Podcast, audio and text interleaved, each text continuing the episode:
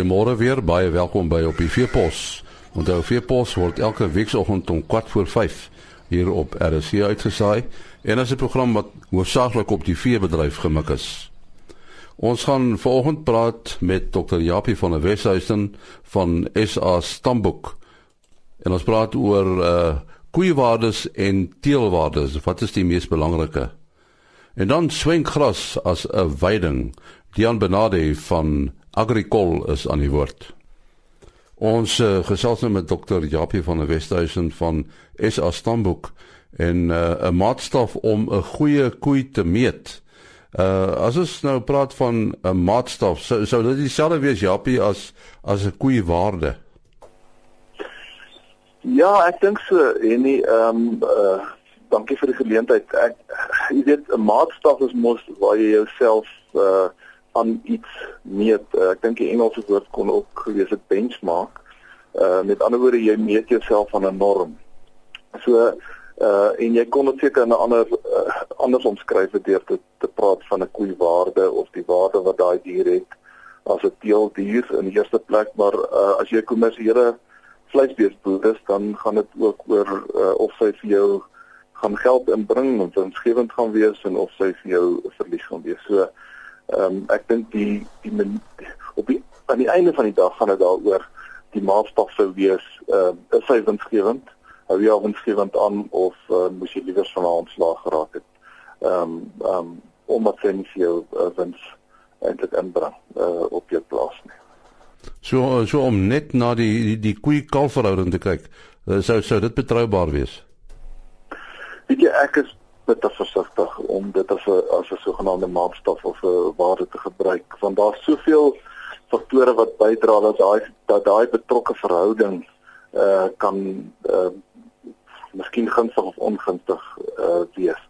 Byvoorbeeld die ouderdom van die koei, uh is dit 'n versie, sy is nog besig om te groei. Uh met ander woorde die verhouding van haar kalf se gewig op haar gewig ehm um, gaan dan goed lyk. Uh of hoe vroeg op op watter stadium is die kalf geweeg. Ehm um, as 'n mens in ag neem dat die tipiese uh, melkproduksiekurwe van 'n koei sy piek min of meer op 100 na 120 dae van melkproduksie, dan as hy op haar maaste en as jy die kalf nou sou speen net daarna en uh, gaan sy op haar ligste wees en as jy die kalf se gewig gaan korrigeer na uh, 7 maande ouderdom, 205 dae ouderdom, toe, dan gee jy eintlik vir die kalf 'n klomp gewig by wat hy nog nie gegroei het nie en dan lyk daai verhoudings ook geweldig goed. Ehm um, so dit is baie keer dink ek 'n misleidende ehm um, syfer. Die ander ander aspek wat 'n mens in ag moet neem is die feit dat eh uh, dit gaan oor die onderhoud van die koei. En en onderhoud is nie lineêr of reglynig gekorreleer met koei gewig nie. Dit is tot die mag.75. Ehm um, so met ander woorde as jy nou bloot die kalf se gewig gekorrigeer na 7 maande deel deur sy ma se gewig, uh dan is daar 'n aanname dat daai koe nou op 'n sekere vlak doeltreffend is. Uh iets anders wat ook belangrik is, het sy die vorige jaar gekalf of nie? Met ander woorde, neem jy reproduksie in ag in in uh of vrugbaarheid in ag in hierdie in hierdie verhouding wat jy meet. So ek is baie ligtig om dit as as 'n maatstaf te gebruik. Ek dink 'n mens moet weier gaan kyk en 'n mens moet ook meer na teelwaardes toe beweeg. Uh waar jy 'n bewese rekord oor tyd het en waar jy verwantes in ag neem en waar jy korrigeer vir die ouderdom van die koei uh en waar jy al meer binne wat tydgenote of stiere wat in dieselfde omgewing blootgestel is. So ehm um, ek weet dit gewild en baie mense spog eintlik daarmee en sê maar my die verhouding op my plaas is oor die 50% of wat ook al dit mag wees, maar ek is baie versigtig dat dit uh, as 'n maatstaf moet gebruik word. So so die teelwaarde gee vir jou eintlik 'n breër uh, breër basis van inligting. Dis reg, want met ander woorde, mens moet ook onthou dat die dat die kalf se gewig by steen uh, is is word beïnvloed deur die kalf se genetiese meriete of vermoë vir groei en sy ma se genetiese vermoë of meriete vir om melk te produseer sodat hy daai melk kan benut om goed of minder goed te groei. So met ander woorde as as 'n mens nou teelwaardes het waar jy daai twee komponente eintlik kan skei, uh sogenaamde melkteelwaarde of maternale teelwaarde en 'n direkte of 'n groeiteelwaarde, dan kan 'n mens baie baie beter beslissing maak. Dieselfde geld dan vir die vir die koei se volwasse gewig. Uh waar 'n mens bladmodelle of teelware modelle gebruik wat in ag neem wat haar ouderdom is en dat sy nou eers haar tweede kalf met haar eerste kalf trek. Ehm um, en al daai uh dinge word in ag geneem, daai effekte word in ag geneem as 'n mens daai beraming maak van daai teelwaarde. So as 'n mens dan wel so 'n verhouding wil publiseer, sou ek eerder na die verhouding die teelwaarde verhouding kyk as die werklike fisiese verhouding. Dis nou amper soos uh jy kan spog op jou plaas dat jou steengewig van jou kalvers is 320 kg want jy jy jy hou hulle onder 'n spotpunt aan of of goeie voeding en ek kry net 190 kg of 180 kg op 7 maande uit my kalvers want ek is in die suurveld. So dis nie vergelykbaar nie. En dieselfde geld waar jy enige wat ons noem fenotipiese waarde of metingswaarde sonder dat dit uh, in ag neem watter gedeelte die die genetiese komponent is in ag neem. So ehm um, deelwaarde gee vir jou baie beter uh, aanduiding. Ehm um, as 'n mens dan so 'n verhouding wil wil gebruik in jou seleksieprogram. So mens kan dit amper vergelyk uh, met met 'n voertuig, nê? Nee? Deur net na die CC aanhou te kyk, het jy nie noodwendig 'n volledige prentjie nie, nê? Dis dis verskriklik waar, né? Dit is 'n baie goeie vergelyk, want dit sê nie vir jou wat die brandstofverbruik gaan wees nie. Dit gaan nie vir jou sê hoe vinnig kan daai voertuig ry nie, ehm um, uh, en wat sy doel is nie. Ehm um, ehm um, jy weet jy kan jy kan twee met dieselfde CC uh uh silinder inhoud hê en die een is 'n bakkie en die ander een is 'n is miskien 'n 'n sportmotor of, of wat ook al. So met ander woorde daar is daar soveel ander inligting wat eintlik met saamkom. Uh ek wil amper sê jy moet die handleiding kan oopmaak en selfs 'n 'n toetsverslag kon lees. Jy weet om om regtig die, die die verskil te in ag te neem. Ek wil net iets anders noem. Ek dink die belangrike ding is ook dat 'n mens moet ook nie net na melk en net na gewig te kyk nie. Ek dink ook ehm um, en uh, mens moet na 'n klomp ander faktore kyk wat 'n koei meer winsgewend maak, een koei as 'n ander koei. En ons weet by die tyd dat die belangrikste komponent is reproduksie of vrugbaarheid.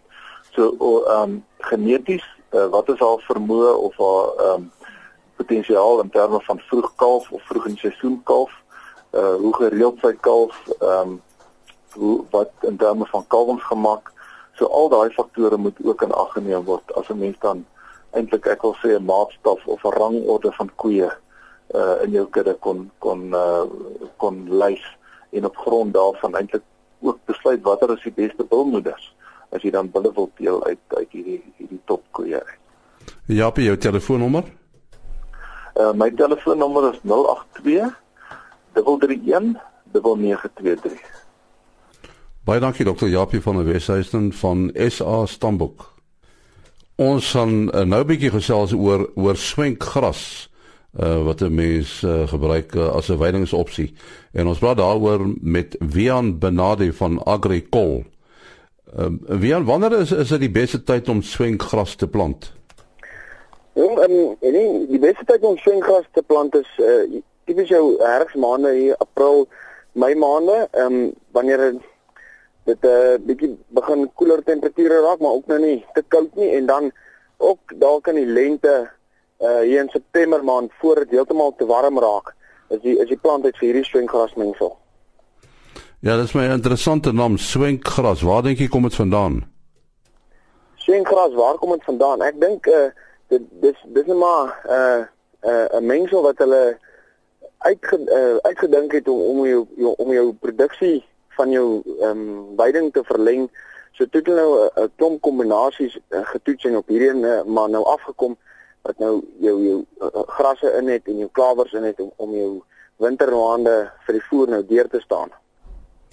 Uh, wie aan kan kan swengras landwyd uh, as as 'n voer aangeplant word? Nee ja, dis uh, dit kan landwyd ehm um, aangeplant word, maar die die swengras hulle die mengsel kort baie water. So Ehm um, as daar baie water is en die besproeiing definitief 'n goeie opsie, maar ehm um, jy, jy kyk na 25 mm 'n week uh, water wat hierdie mense nodig het. Maar maar 'n swengras kan ook seker dormant word, né? Nee? Hy kan ehm um, swengras raak 'n bietjie dormant. Ehm um, jy weet jy moet hom sy sy bestuur is belangrik. Hier in November maande tot en met Februarie wanneer dit lekker warm is, ehm um, moet hy tipies gerus word. Uh en dan hier in die koeler maande, Maart tot Oktober, is hy weidingsgereed en um, dan dan kan jy hom maar wy. En uh die ander weidingsgewasse, die beskikbare weidingsgewasse, uh wat wat wat kan mens dan aanplant as die die swinggras dormant is? Al is in hierdie in hierdie periode kan mens kyk na hier in die, in die somermaande soos ek gesê het in November, in November tot Februarie kan mens na eenjarige voersorgings kyk wat wat ideaal sal in in in daai gleef tydperk sal inpas en ehm um, wat wat 'n goeie aanvulling tot die tot die voer sal wees. Of dan nou kan mens kyk na meerjarige grasse soos 'n soos 'n mooi riviermengsel of of so ding met bietjie meer ander grasse vir die somer ehm um, jy kan dit in somer plant en dan winter gereed wees. Jy het nou gesê dat swengras nogal baie water nodig het. So in die droër dele van die land is dit nou moeilik. Ja. Dis reg. Ehm um, swengras is nogal hy hy kort hy kort 'n bietjie water soos ek gesê het en dan kan mens hom nou maar die bestuur is ook net belangrik, jy weet, ehm um, mens moet 'n tipiese kan mens kom ons sê 'n vyfstel uh, kampstelsel hê wat wat mens roteer weiding roteer en dan hier wanneer jy op jou laaste kamp kom is jou eerste kamp al weer reg vir vir om weer gewy te word. Is daar ander belangrike faktore wat 'n mens in ag moet neem as 'n mens nou swengras aanplantings bestuur? Ehm um, ja, ek, belangrike faktore is jy, jy weet jy hierdie mense nooit ehm um, laer as as 12 na 15 cm laer as dit gewy word nie. En dan ehm um, bemesting is maar net nodig soos soos die grondontledings en uh ja, dis maar die belangrikste faktore wat jy moet in gedagte hou. Ehm um, die die die uh wy wyhoogte. Nou die die rustydperk vir vir swengras uh wat en wanneer is die ideale tydperk uh, die rustydperk vir vir die gras? Rustydperk ehm um, Desember uh tot Februarie wanneer dit lekker warm is, moet mens hierdie ehm um, mengsel vir 'n maand lank dit sal ideaal wees om met 'n maand lank te laat rus en net te herstel tot met 'n weidingshoogte van kom ons sê 20 20 na 25 cm. Is 'n swingkrasse gewilde voer uh, aanplanting? Dit dit is baie gewild um, omdat hy so lekker uh, aanvullend die die die die, die komponente in die mengsel komplementeer mekaar half jy weet wanneer die swinggrasse nog nie uh, gevestig is nie, dan uh, is die raaigrasse, jy weet, dan is hulle nou al vinnig want hulle is vinnig uit die blok uit. Jy kyk so na 6 weke dan is raaigras gevestig en um, die swinggrasse is dan nou nog nog nie so stewig gevestig nie.